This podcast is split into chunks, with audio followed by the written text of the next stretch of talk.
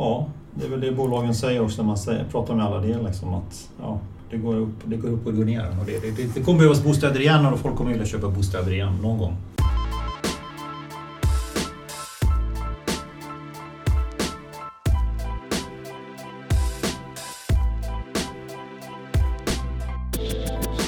Det händer väldigt mycket på byggmarknaden just nu och att beskriva framtidsutsikterna som osäkra är nog en underdrift. Det är många faktorer som är med och påverkar och statistiksiffror som under de senaste åren ofta hamnat i skymundan hamnar idag istället på löpsedlar. Ett sätt att navigera i den närmaste dåtiden och få en uppfattning om den kommande framtiden är att läsa bolagens kvartalsrapporter. Och det är precis vad vi har gjort i dagens avsnitt. Givet att det samma morgon som det här avsnittet spelades in släpptes färska siffror om bostadsbyggandet i Sverige så valde vi att i detta samtal fokusera lite extra på just bostadsbyggande. Dagens gäst som ska hjälpa till att navigera i siffrorna som vi går igenom är Johan Balenberg.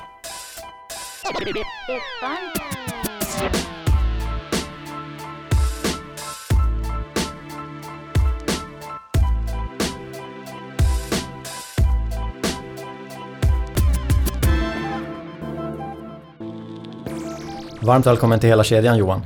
Tack så mycket. Avsnitt 118 och för första gången i poddens historia så sitter jag med en dator framför mig. Varför har du inte haft det tidigare? Det har inte behövts men vi ska ju prata lite kvartalsekonomi och siffror så idag kände jag att äh, nu gäller det att kunna kolla upp saker så att vi får flyt i samtalet. Det låter bra tycker jag. Men ska vi börja med dig? Vad jobbar du med om dagarna?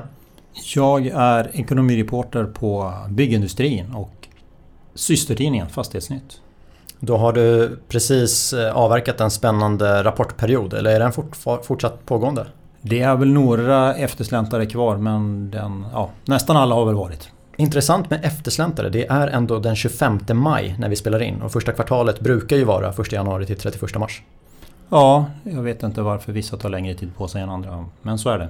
Som aktieägare skulle jag vara lite orolig om det tog två månader att få ihop kvartalsrapporten. Ja, så skulle man kunna se det. Vi kan eh, gå in på själva rapportperioden för där är det intressant att höra hur du, hur du jobbar under en sån. Eh, så jag tänker att du får, du får berätta lite om eh, antal lästa rapporter, vad du fokuserar på och vad letar du efter och kontakt med bolag och liknande? Ja, just det. Ja, nej, men man får väl börja med att uh, en kalender och kolla vilka bolag som kommer när och då. Och sen får man försöka börja jobba utifrån det och boka in intervjuer. De är ju upptagna, VDarna. Så det gäller att få... Ja, det är mycket planering, schema och så.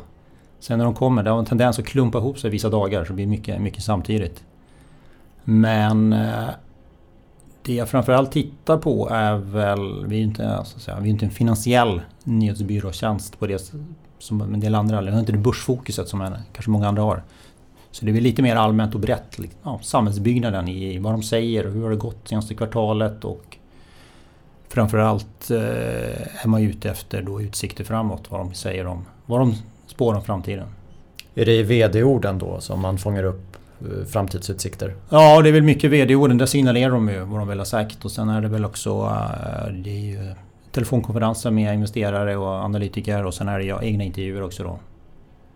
Så det är en fler, flerstegsraket kan man säga. Jag nämnde ju att det är den 25 maj när vi spelar in det här. Så jag kan tänka mig att rapportperioden har väl hållit på i en 6, 7, 8 veckor. Så om vi spolar tillbaka bandet. Låt oss spola tillbaka 10 veckor. Vad hade du för lägesbild inför rapporterna? Vad, vad trodde du att du skulle få höra? Men det som har varit tydligt ända sedan i, ja, i höstas kan man säga, det är att det är, det är väldigt tudelad marknad. Det är ju bostadsbyggandet som går riktigt, riktigt svagt. Men i övrigt så tuffar det ju på. Och en hel del går ju riktigt bra också. Och en del tuffar på. Så att det, är ju, det har ju varit en väldigt, liksom den här tudelade bilden det var väl förra rapportperioden eh, var det och det var väl också här förväntningarna fanns liksom inför den här rapportperioden. Och kan man säga, det har väl också besannats att det kanske blir ännu tydligare nu att liksom allt bostadsrelaterat är, det är svagt, det är svårt att sälja. Medan eh, mycket annat byggande ja, tuffar på som sagt. Ja, det släpptes ju färska bostadssiffror idag som vi ska komma tillbaka till. Eh, en sak jag reagerade på är för att du sa att ja, men jag har ju vetat om att bostadsbyggandet har gått ner. Har vi varit säkra på det? För Boverket, de, visserligen har de ju reviderat sina prognoser. Men de presenterar ju ändå en lägesbild som är mer positiv än någon aktör på byggmarknaden. Ja, jag har väl också reagerat att de eh, låg väl väl positivt tidigare. Sen har de väl, precis som du säger, fått eh, revidera ner sina prognoser. Sen är de väl mer, mer i linje med hur andra ser på saken. Men nu behöver vi inte gissa lika mycket för nu har det ju faktiskt kommit in lite färsk bostadsstatistik för... Är det det första kvartalet? Det är det första kvartalet i år och eh, det kan man väl säga, det var, ner, det var en halvering från det första kvartalet ett år tidigare. Man får ju titta alltid på ett år tillbaka för mellan kvartalen det är liksom säsongs... Det är olika, olika kvartal, olika starka. Men det man kan säga var väl att det var ner lika mycket i fjärde kvartalet men då var det ingen som tänkte på det. Då blir vi mer fokus på det den här gången. Hur menar du där? Att i fjärde kvartalet i fjol sjönk det också 50% från, från ett år tidigare. Och det sjönk 50% nu. Så nu har det varit ett halvår där det har varit halverat byggande kan man säga. Hur kom det sig att det inte blev lika mycket uppmärksamhet i det fjärde kvartalet? Det är väl en ganska uppenbar, lite tekniskt, det är väl att SCB brukar redovisa sista kvartalet redovisar de alla fyra kvartal så då var det på helåret. Då såg det inte så illa ut. De var ju tvungna att ta ut det sista fjärde kvartalet. Men nu när det varit det första kvartalet i året då redovisar de ju det första, de redovisar liksom åren löpande så att säga. Då redovisar de första kvartalet och sen första och andra och sen första till tredje och första till fjärde. Men, ackumulerat under året, det är väl därför helt enkelt som folk missade att det var så. Men om helåret 2022 mm. inte var så mycket sämre än helåret 2021? Ja det var ju sämre men det kanske var... Vad var det? 15-20% ner kanske. Ja, och det gick ner 50% i Q4. Ja, precis. Men det måste ju betyda att eh, första kvartalet förra året och kanske till och med andra, att de var bättre än året innan.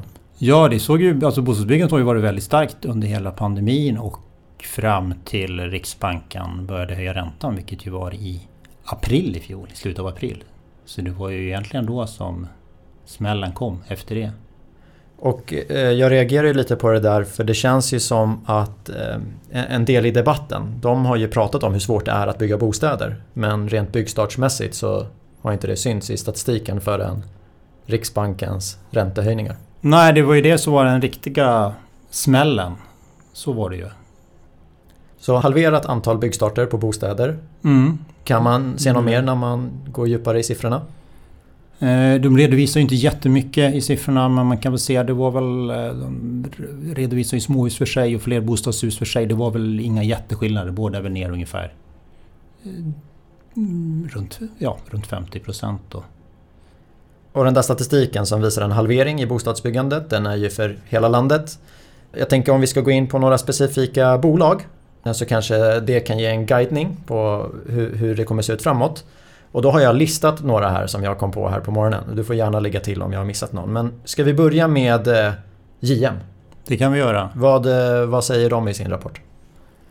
Det de sa att det går ju fortfarande väldigt svårt att sälja bostäder. Om man tittar då på ja, hur många bostäder de säljer och det är ju liksom en... Det ligger ju före i kedjan än att de ska börja byggas. Utan de, de säljer, ju, säljer dem ju först och sen när de fått ihop så kan de börja bygga dem fått upp ett visst, ett visst antal.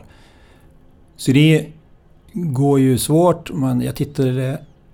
Jag råder lite med om man tittar på statistiken tillbaka. Jim har ju funnits i många år och byggt. Jag tittade tillbaka till finanskrisen och då sålde de faktiskt fler bostäder än de gör nu det senaste halvåret. Är det lägre än det var under finanskrisen 2008-2009.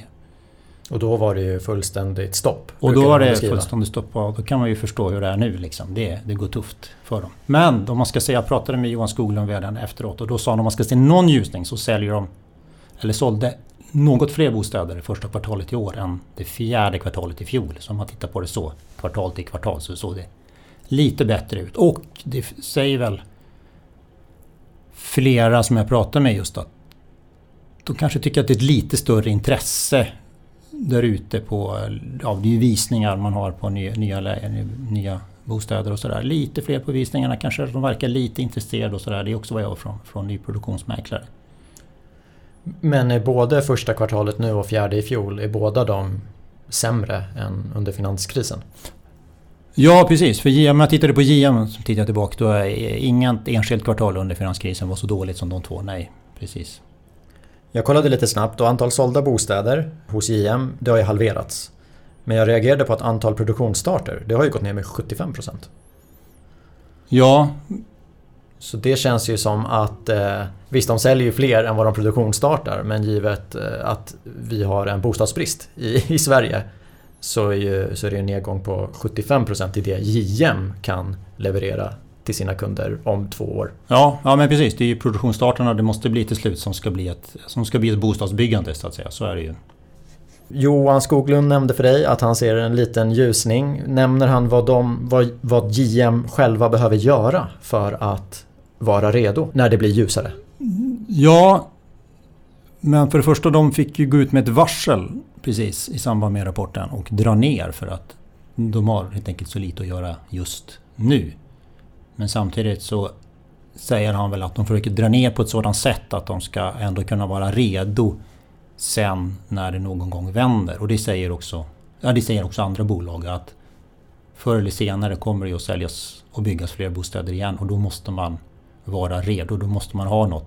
Då måste man kunna producera bostäder, måste kunna bygga bostäder, sälja bostäder och hela... Så det går liksom gas och bromsa samtidigt tror jag någon, det var nog Bonava som sa det, att det gäller att kunna göra det. Vågar JM ge någon guidning kring när de tror att det vänder? Det är väl flera som varit lite försiktiga med att säga när det vänder, men det, det kommer hålla i sig, säger de. Och nyckeln här är mycket Riksbanken och Riksbankens räntehöjningar. Där det väl ser ut just idag som vi pratar att det kanske blir någon höjning till i sommar och många tror väl att det kanske kan bli något försiktiga men ändå räntesänkningar under nästa år. Och där någonstans tror nog många att det kan vända när man ser ett slut på räntehöjningarna och kanske också en start på räntesänkningarna. Så det, det pratar väl många om att det där, där är nyckeln men där är vi inte än och ännu är vi fortfarande i den här höjningsfasen även om vi närmar oss slutet på den. Det finns ju många experter där ute men jag reagerade lite på förra hösten så var det ju vissa experter som sa att sänkningen kommer redan Q1 eller Q2 2023 för Riksbanken har höjt alldeles för aggressivt. Så man är ju lite, lite, lite nervös inför vart vi är i den här räntecykeln. Ja, men det kan man väl säga någonting är väl att den här motståndskraften i ekonomin och det är inte bara i Sverige utan det är även i liksom hela världen har ju varit större än någon kanske kunnat tro. Det kommer senast idag också statistik över arbetslösheten. Den fortsätter ju sjunka och det är ju samma i euroområdet och det är i USA och så vidare. Så att det är ju uppenbart att de här räntehöjningarna kanske inte får den effekt på ekonomin som man, som man trodde för ett halvår sedan eller för ett år sedan. Så det är nu en del av förklaringen till att det inte har blivit några räntesänkningar utan det är fortsatta räntehöjningar. JM redovisar ju intäkter på nästan 3,9 miljarder kronor. Och det är ju samma nivå som för ett år sedan. Så visst, vi, vi läser om att antal sålda bostäder, det kraschar, produktionsstarter ännu mer. Pengarna kommer ju fortfarande in. Ja, det är ju också en eftersläpning. Det är ju vad man har kunnat börja påbörja och bygga klart tidigare så att säga. Som det blir en eftersläpning i de där siffrorna. Ett annat bolag som du nämnde, gas och bromsa samtidigt, är ju Bonava. Vad kan vi säga om dem? Det är lite samma bild där. Det är ju kraftigt ner på sålda bostäder, startade bostäder. Eh, aningen fler även där än det fjärde kvartalet i fjol. Min bild av Bonava är att de började ju få problem redan innan Riksbanken höjde sin ränta. Alltså rent resultatmässigt så de har i alla fall två år av ganska dåliga resultat. Märks det av någonting att de kommer bättre förberedda in i det här läget? För jag menar, i goda tider, då är det ibland svårt att veta hur duktig man är. Och sen så när det kommer ett stopp, ja då börjar man se över kostnader. Men Bonava har ju varit tvungna att göra det här under två år. Eh, märks det av någonting? Jag vågar inte svara exakt om det gör det. det skillnaden mellan Bonava och eh, de andra bostadsutvecklarna är att de är ju väldigt geografiskt spridda. De har ju en stor verksamhet i Tyskland exempelvis. Och det var lite intressant. Där, där berättade VD att där har, redan, där har det vänt. Där har det vänt upp igen. Så att de har ju spridda, spridda skurar. Och även Baltikum har de verksamheter. De sa att där har det börjat vända upp. Och det är framförallt Sverige där det, går, där det är svårt. Sverige och Finland är oförändrat svagt. Ja, Finland också är ett sånt där land där det går svagt. Men Sverige och Finland. Annars som sagt, de är spridda och det, det, är liksom, det finns en annan bild i andra delar, andra länder också. Det är också intressant. Kollar man produktionsstarter hos Bonava så visst att de har tappat sen, sen förra året men där är tappet 20%. Så det är, inte, det är inga JM-siffror där med minus 75. Däremot så säljer de ju färre bostäder än vad JM gör procentuellt. Ja, de har väl en väldigt stor nedgång vad jag minns om det var nästan var det 90% eller något liknande. Mm. Sen har ju Bonava sin verksamhet i Ryssland också som verkar svår att bli av med. Ja, det är väl... Eh, jag vet inte så mycket om, eh, om det mer än att det har varit, visat sig svårt att bli av med den. Ja. Någon fler bostadsutvecklare som du har kikat på? Nej, men det är väl de liksom renodlade bostadsutvecklarna som jag har eh, följt mest. Jag tänker både JM och Bonava, det är ju börsnoterade. Här, ingen riktig huvudägare, speciellt inte i JM. Eh, det finns ju andra bolag eh, som exempelvis Wallenstam som, som finns på börsen, familjeägt. Kan man se något annorlunda i hur de arbetar jämfört med andra börsbolag? Det är väl ganska jämnt över hela linjen att, att även som du säger de här eh, kommersiella fastighetsbolagen som har en bostads, bostadsbyggande att de drar ju också rejält i handbromsen. Så är det ju. Men de ser möjligheter att starta vissa projekt på vissa ställen. Och det är väl kanske ja, mycket hyresrätter då som de, de har sett kan vara lite, lite lättare att starta. Och en del har väl också möjlighet att bygga i egen bok och tänka sig... Det är väl många som tänker sig också det här med vändningen. Alla är inne på att det kommer att vända och att det kanske inte är helt fel att stå med lite färdiga bostäder om ett par år när alla andra har dragit ner. Så det, det är väl också en sån faktor som håller emot som gör att byggandet, det går inte till noll. Det är väl alltid någon som vill spekulera i att kunna vara ganska ensam med att ha, ha färdiga bostäder klara 2025 kanske. Ja, man blir ju lite orolig när man kollar i siffrorna för eh, en annan bostadsutvecklare är ju Veidekke avknoppningen Norder. De är ju visserligen inte börsnoterade men de har ju pressmeddelanden där de visar hur det har gått. Där reagerar jag på att under första kvartalet så sålde de 27 bostäder.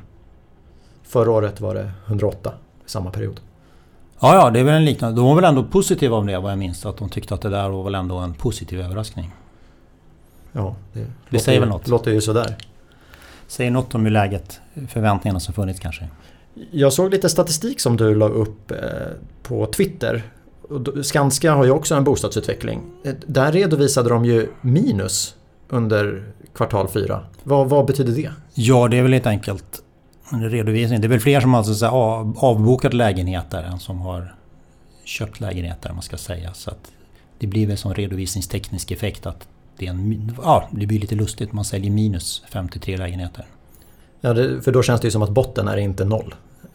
Botten är ju minus beroende Nej, på precis. vilket avtal man har. Nej men precis, det blir ju den här nu är någon sorts redovisningseffekt om det finns en möjlighet så att säga att eh, man går in i ett tidigt avtal som man har möjlighet att säga upp. Och, och då är det folk som har gjort det helt enkelt. Och fler än som har... Men det har ju hänt annat. Det var väl under finanskrisen sålde väl Volvo negativt antal lastbilar och sådär. Så, att det, det, sånt kan ju hända om det är fler som... Om man bokar. Det beror på hur man bokar helt enkelt, de här bokningarna, hur man bokför dem. Och det har ju också varit en nyhet att eh, de som bygger bostadsrätter Givet att marknaden har förändrats har ju också vissa villkor i bostadsrättsföreningen förändrats. Eh, typ månadsavgiften. Ja, Den har ju gått upp och det har varit rättsfall kring det. JM har ju varit involverade och massa fler. Nämner JM någonting om vad det kan få för konsekvenser? Nej, det gör de väl inte. Men det är väl också en, alltså en pusselbit till att folk drar sig för att köpa nya bostäder kan man väl säga. Och det är ju vad man har från mäklarhåll att helt plötsligt så, som du säger, höjs avgifterna på ett sätt som man inte alls hade förberett sig. Och då, när det blir allmänt känt så kanske man drar sig ännu mer för att våga boka något när det, när det framstår som så osäkert vad som kommer att hända tills man har den där bostaden om, om några, några år fram i tiden. Ja, det låter ju som en, som en mardröm. För vad står det i lagen? Att om det är en väsentlig ökning då, då är det förändrade villkor och då får du hoppa av. Men det är inte definierat vad väsentlig är. Nej, det blir ju juridik och det är väl eh, tolkningar och så vidare. Men eh, som sagt, ja, men det är väl ytterligare en faktor som gör att man, man kan förstå att man drar sig för att köpa en bostad. Om man, om man ser då att helt plötsligt kan ju då kalkylerna se helt annorlunda ut. För om vi, nu har vi pratat om JM, eh, Bonava, eh, Norder. Jag menar, kollar vi bara på deras statistik så är ju den värre än den bostadsstatistik som redovisades idag. Ja, man får väl också tänka att de här de, ja, eh, noterade bolagen står för en mindre del av bostadsbyggandet. Det finns ju många andra aktörer som bygger bostäder. Du har ju liksom allmännyttan och så vidare, de kommersiella fastighetsbolagen och onoterade bolag finns det också som bygger och så vidare. Och så vidare. Så att eh, det, ja, det ger väl inte hela bilden så att säga. Så är det ju. Det ger en indikation men inte hela bilden på bostadsbyggandet. Det är ganska många miljarder som försvinner från byggmarknaden. Som ja, men byggbolagen måste ju hitta den här omsättningen på annat håll. Det är ju inte helt lätt. Nej, så är det ju. Det är ju det är ett tufft läge där ute. Det går inte att säga något om det. Om man ska bygga bostäder. Det är, det är nästan ja, Vi var inne på en halvering nu och det är kanske inga vändningar nu på ett tag. Så det är klart att det är tufft. Och det för oss ju in på byggbolagen. Eh, vi har ju tre stora i Sverige. Peab, Skanska, NCC. Du har koll på alla. Vart börjar vi? Vi kan börja i NCC som väl kom med en, en bra rapport. Och de har ju väldigt lite av den här bostadsexponeringen. Och det man såg då det, det går ju bra. Liksom. Det tuffar ju på det här med anläggning, infrastruktur, vad pratar de om? Vatten, avlopp och sånt pratar de om. Det är, liksom, det är stora investeringar, samhällsinvesteringar som görs. Och eh, är man med där så är det en helt annan, helt annan verklighet än om man ska producera bostäder. NCC är ju lite samma som Bonava. Att de kommer ju från några jobbiga år. I alla fall om man kollar på aktiekursen. Som, vi ska inte prata aktiekurser men just i NCCs fall är ju det ett bra mått. Där de, eh, men de har ju inte alls följt med de andra byggbolagen i, i värdering. Kanske det som märks av då. Att de levererar så pass bra eh, som de ändå gör. De har tagit ja, tag i sina problem tidigare. Ja, men kanske, kanske, kanske har med det att göra. Men det ser ut att... Ja, det första kvartalet i alla fall. Sen får man också... Man måste ju ha med sig, kanske är bra att säga, att det första kvartalet är ju ett... Det är ett litet kvartal för byggbolagen under vintern. Så att även om det är bra eller dåligt så påverkar det så att säga helåret inte jättemycket som andra kvartal gör. Så man får väl ha med sig det. Så att det är väl... Att eh, det är inte det avgörande kvartalet för hur, hur, resten av, hur året kommer att gå. Men de ökar ju sin omsättning med 20%. Eh, det är, ju, det är ju svårt att säga att stat och regioner måste in och ta ansvar och hjälpa till. Men här kanske stat och regioner just hjälper till eftersom de gör sådana samhällsinvesteringar. Jag får att de pratar just om vatten, exempelvis vatten som en sån där. Där, är, där de har mycket, mycket orderingång nu. Mm, kanske kommer från eh, pandemin att de, de projekten som man efterfrågade då har kommit igång. Jag kollade lite på deras eh, orderingång, NCC, för den är ju den är högre än deras omsättning i alla fall, vilket är, är positivt att, att man har att göra. Däremot så minskar ju deras totala orderstock eh, några procent. Det kan ju vara bra att veta inför framtiden, nu när vi kollar framåt. Men de har ju ändå att göra för 60 miljarder. Så det borde ju täcka några månader framöver. Ja, de lät ganska nöjda och hade väl ja, tillförsikt inför året. Vad lyfte VDn fram mer? De hade väl en prognos som det var på vinst per aktie som de väl trodde att de skulle kunna, de trodde de skulle kunna uppnå. Så det var väl det. De var, ja, de var positiva helt enkelt. Att de skulle, de skulle lyckas. Men det är ju många som inte får ihop det här nu. För å ena sidan pratar man om så här dåligt har det inte varit sedan fastighetskrisen. Och visst att man kanske tänker på bostadsbyggande då. Men det är ju inte bara det som lyfts upp. Byggföretagen är ute och säger att byggmarknaden kommer krascha. Vi kommer tappa en generation som inte vill börja jobba. Och så levererar NCC ett bra resultat och, och ser positivt på helåret. Jag får inte ihop det i huvudet. Nej, men jag tror återigen, det är den här tudelningen tror jag man får se det som. Eh, det är nog, det är nog där förklaringen ligger. Mm, men då ser vi, nästa bolag då? Vilka kollar vi på då? Eh, vi kan ta Peab. Mm. Det är väldigt intressant. De, är ju, de har ju ingen egen bostadsutveckling men bygger ju mycket bostäder. Och det, det märks ju av i deras siffror. Och det är väl samma där. De pratar om att eh, de tycker att tudelningen blivit ännu tydligare. Liksom, att bostäderna går ännu dåligare men att det andra går ändå helt okej. Okay, liksom. Och vad gör man åt saken när man har den insikten. Bostadsbyggandet går inte så bra. Vad behöver Peab göra för att parera det här? Ja, helst skulle de väl behöva då flytta över från bostad till något annat. Så eh, jag är väl inte rätt person att säga hur lätt det är att göra. Nej, vi får se. Jag tror vi får se det faktiskt. Och det där är ju intressant, eh, kommer vi inte komma in på här, men det finns ju vissa byggbolag som har specialiserat sig mot olika segment. Att vi är jätteduktiga bostadsbyggare, det är det vi gör och det är det vi är bra på. När den marknaden försvinner får man ju se hur hårt man håller i den visionen. Ja, det kan man vara. Sen har vi väl JM, de har varit med, som vi var inne på, i årtionden här. Så att eh, uppenbarligen går det även i konjunkturkänslig bransch att finnas kvar. Mm. I, rida ut konjunkturnedgångarna. Skanska då? Det är ju lite spännande. De, de är ju väldigt stora runt om i världen. Och en del, de är ju bland de största i Sverige också. Men hur, hur, hur kollar man Skanskas rapport? Jag menar om det går bra eller dåligt för Skanska. Det kan ju bero på att det går superbra i USA men inte så bra i Sverige. Ja men så är det ju. Och det är ju exakt samma där som i de andra rapporterna. Eh, det var väl en skämtat svag rapport och det handlade återigen om bostadsbyggandet och mycket, mycket Sverige återigen där. Men när jag pratade med VD Anders Danielsson så sa ju han att eh, USA exempelvis går ju jättebra. och Det är väl snart halva, halva omsättningen ligger i USA. Så att, eh, det blir också lite svårt kanske att jämföra Skanska med de andra svenska byggbolagen. För de är så otroligt mycket större. Det är ett av de liksom, största byggbolagen i världen. Och de har en så otroligt stor och bred verksamhet både i Europa och USA. Men du har helt rätt att det blir, ja, det blir svårt att jämföra. Man får titta på olika segment och delar och sådär och titta på olika länder och så om man ska få någon jämförelse. Men eh, där har de ju haft det tufft med eh, Boklok. Deras bostadsutvecklingsdel som inriktar sig på billigare bostäder. Och det är ju en marknad som haft det riktigt tufft. För det är liksom de hushållen som är mest pressade det, de här premiumsegmentet är väl ett, ett som är ganska opåverkat än så länge. De som har mycket pengar har fortfarande mycket pengar men de som har lite mer på marginalen, där, där är det pressat. Så där har de fått göra åtgärder och försöka vända den utvecklingen där. Jag reagerade några, på några saker i Skanskas rapport och nu är det för hela världen. Men bostadsutveckling, den, intäkterna där hade ju rasat från 3,5 miljard till 600 miljoner kronor. Det, det är ju ett ordentligt tapp. Det är ju 80 procent.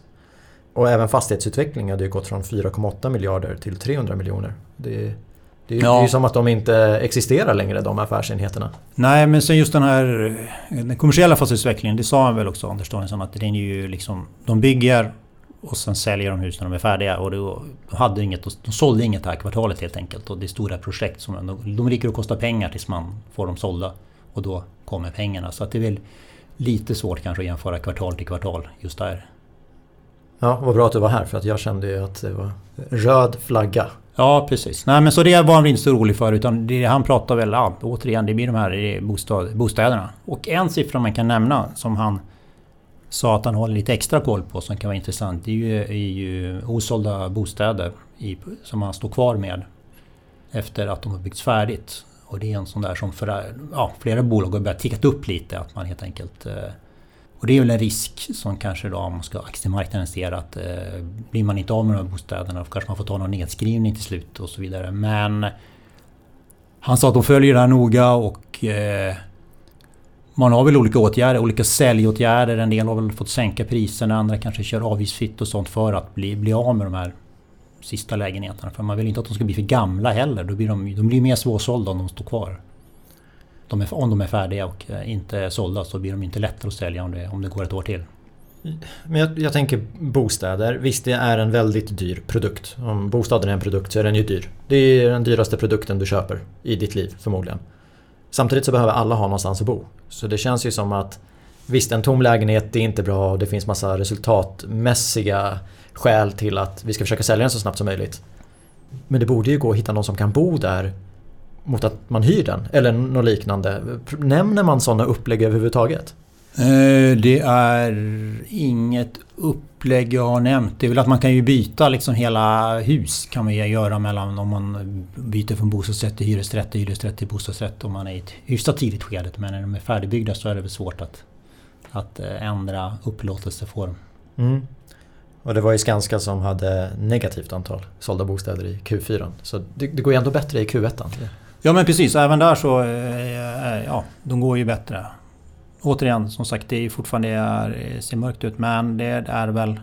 Flera pratar om att ja, den här lilla ljusningen kanske de ser nu under början på det här året. Men det kan man väl också se om man tar bostadsmarknaden i stort så har ju bostadspriserna slutat falla i år. De har väl liksom snarare planat ut efter fallet vi hade i fjol. Så det kan ju vara en spegelbild av det helt enkelt. Ja men där var det väl du som hade en intervju om det idag? Eh, vad tror man framåt? Har det fallit klart nu för att det har planat ut? Nej, det är väl de som gör prognoser tror väl alla att det ska falla mer. För det är väl det intressanta. Det har ju varit två, två räntehöjningar i år men bostadspriserna har ju liksom inte fortsatt ner. Men eh, de flesta är väl inne på ja, räntorna stiger ju så då borde priserna gå ner. Men så många är nog förvånade. Att, eh, men de håller fast vid sina prognoser att priserna, priserna ska ner ytterligare, ytterligare en vända till. Ja, det är väl folk som drar sig från att flytta för att man vet att man kanske inte får det man betalade om man köpte för ett, två år sedan, tre.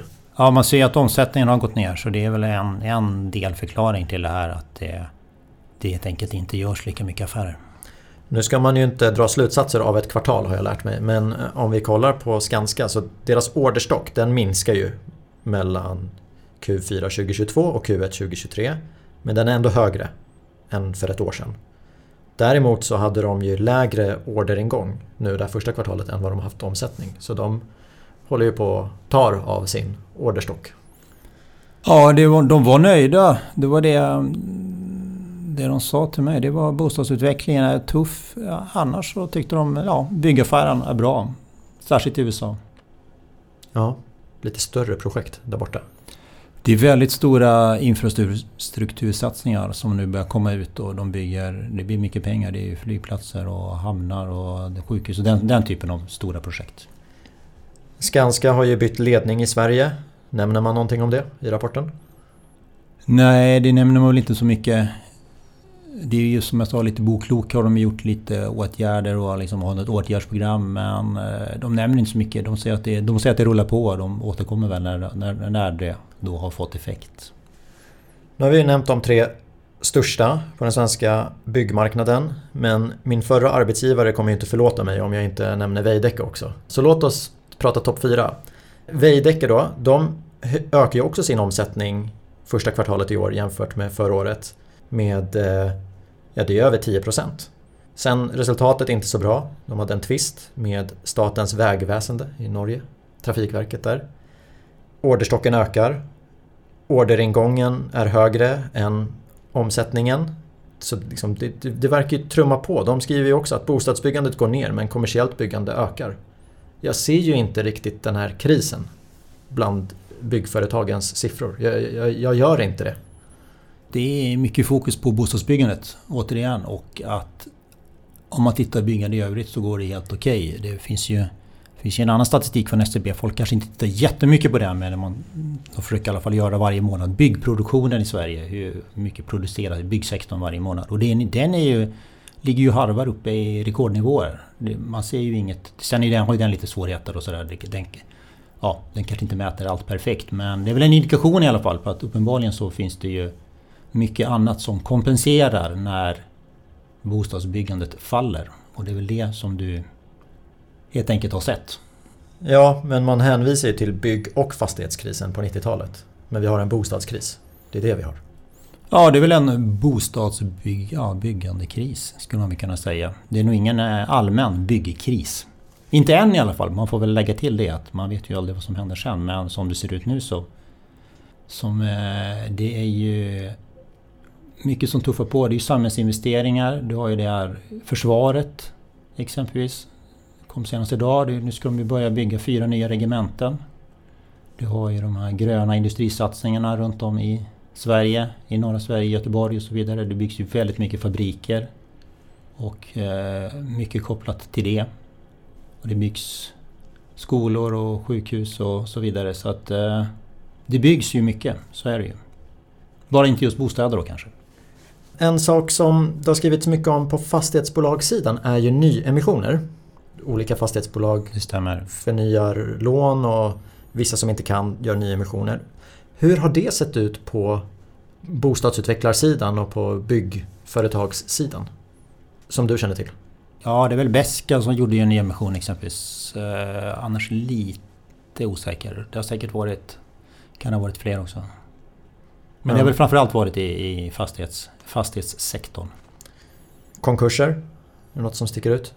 Eh, konkurserna har ju ökat. Och det är väl framförallt inom byggsektorn. Men det är ingen dramatik skulle jag säga. Det är väl, eh, om man ska återkomma till det du sa tidigare, det kanske inte är en allmän byggkris. Och det, om man tittar på siffrorna mm, liksom, eh, sysselsättning i byggbranschen eller liksom arbetslöshet bland byggnadsarbetare och sådär.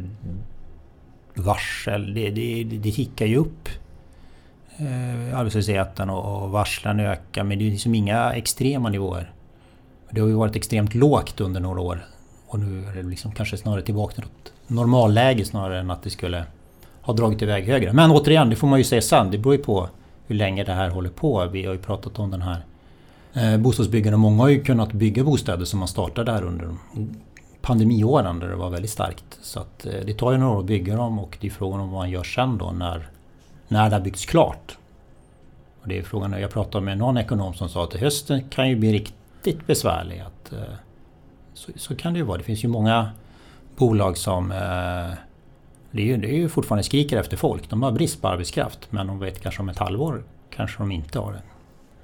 Vi har ingen statistik på det, i alla fall inte jag. Men det har ju varit brist på arbetskraft i byggbranschen de senaste åren. Så det har ju kommit väldigt mycket från utlandet. Men sen nu om byggandet går ner, kanske inte finns lika mycket att göra och sen den svaga kronan gör ju att en hel del arbetskraft försvinner från Sverige. Så eh, en viss del av det här minskade behovet kanske pareras av att ja, fast det var gästarbetare eller vad man ska kalla det. Men nu, nu sitter jag här och gissar. Ja, men så det, det är nog en, jag har inte heller några siffror på det, men det är väl en rimlig, rimligt antagande att eh, det kommer att kunna parera en del. På samma sätt som det parerade liksom en ökad efterfrågan på arbetskraft, att man kunde ta in arbetskraft då. Eh, nästa kvartal, de rapporterna släpps väl slutet juli eller till och med slutet på augusti? Ja, det är mycket juli där. Så är det ju. De brukar väl komma lite mer ihopklumpade för att man ska hinna få någon semester efteråt också. Ja, det var det tänkte att det kanske krockar med din semester. Men givet det du vet nu, vad, vad är det du kommer fokusera på när du går igenom de rapporterna? Men det blir ju fortsätta egentligen följa, som jag sa, det blir mycket fokus återigen på, på bostadsmarknaden och bostadsbyggandet. Det är det som där vi sett den här stora dramatiken. Så det, det skulle jag säga, det, det blir fortsatt fokus på det. Det blir att räkna sålda och startade bostäder, precis som du har gjort här. Och se, jämföra bakåt och försöka se, har de kanske det blir till kvartal, har de ökat igen eller har de sjunkit tillbaka? I, ja, det blir ju sådana saker. Nu har vi tagit upp de privata bolagen men på bostadssidan så finns det en hel del kommunala bolag. Eh, Allmännyttan till exempel eh, hur tänker de? Ser de det här som en möjlighet att men nu slutar de andra bygga, då kommer vi att göra en insats? Eller vad, vad hör man från det hållet? Ja, tyvärr kanske man då får säga. Eh, utan att de drar, de drar hårt i handbromsen de också. Och eh, det de säger är väl att eh, det blir svårt att få upp kalkylerna. Vi har ju de här byggkostnaderna som ökar snabbt. Det är ränt, ökade räntekostnader. Vilket gör att man måste ta ut en så pass hög hyra när man bygger en ny bostad att det är svårt att hitta människor som vill flytta in och bo i dem. Det blir för dyrt helt enkelt. Det är svårt att, det är svårt att få ihop det. Och när inte ens de får ihop en kalkyl då, då känns det ju inte så hoppfullt. Nej, de har ju, har ju varit tidigt ute och trott att liksom bostadsbyggandet ska rasa mer än många andra. Så att de har nog ja, utgått från sig själva där och sett att eh, de, de bromsar hårt.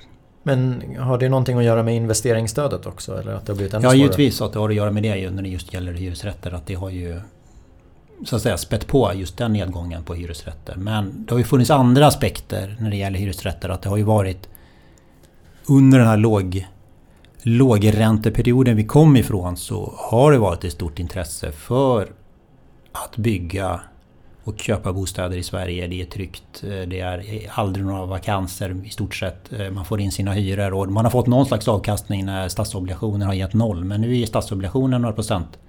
Och då kanske just att investera i bostadsfastigheter har inte alls blivit... Eh, det är inte lika hett helt enkelt. Så det har ju gjort att den... Eh, Sådana finansieringsaspekter är viktiga just här. Så att det har ju fått det att krascha ihop.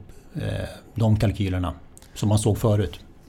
Jag känner ju en personlig åsikt är ju att det är svåra tider man ska testa nya saker och verkligen satsa och våga göra en förändring. För det är ganska svårt att göra en förändring när, när det går bra. Då väljer man tryggheten. Men nu när det inte går bra, ja men då kanske man ska testa.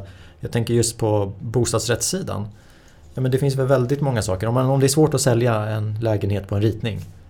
Men vad, vad, vad kan du göra då? Ja, men om folk är rädda för att du ska höja avgiften. Kan du garantera avgiften i tio år? Och det här jobbet kanske man gör. Men jag hör ingenting om det. Utan det är hela tiden fokus på Riksbanken och politiken. Men, men ni, har ju, ni har ju egna verktyg. Ja men det får man säga, det, det görs för som du säger just det här med när räntorna drog iväg och man fått ändrade kalkyler så har det kommit olika typer av räntegarantier och så vidare. och Så vidare. Så det, det, finns ju den typen av åtgärder har ju kommit just att man ser problem att räntorna kan sticka. Men det är väl också som, som sagt en kostnadsfråga. Det blir ju liksom en garanti, någon måste betala för det och så vidare. Och, eh, kostnaderna för att bygga bostäder har dragit iväg. Så det, det, det är väl också, man ska ju få ihop kalkylerna med vad liksom det kostar och eh, och vad folk sen har möjlighet att betala. Vi får se vad som händer. Tack för den här genomgången som, som vi haft idag. Tack så mycket.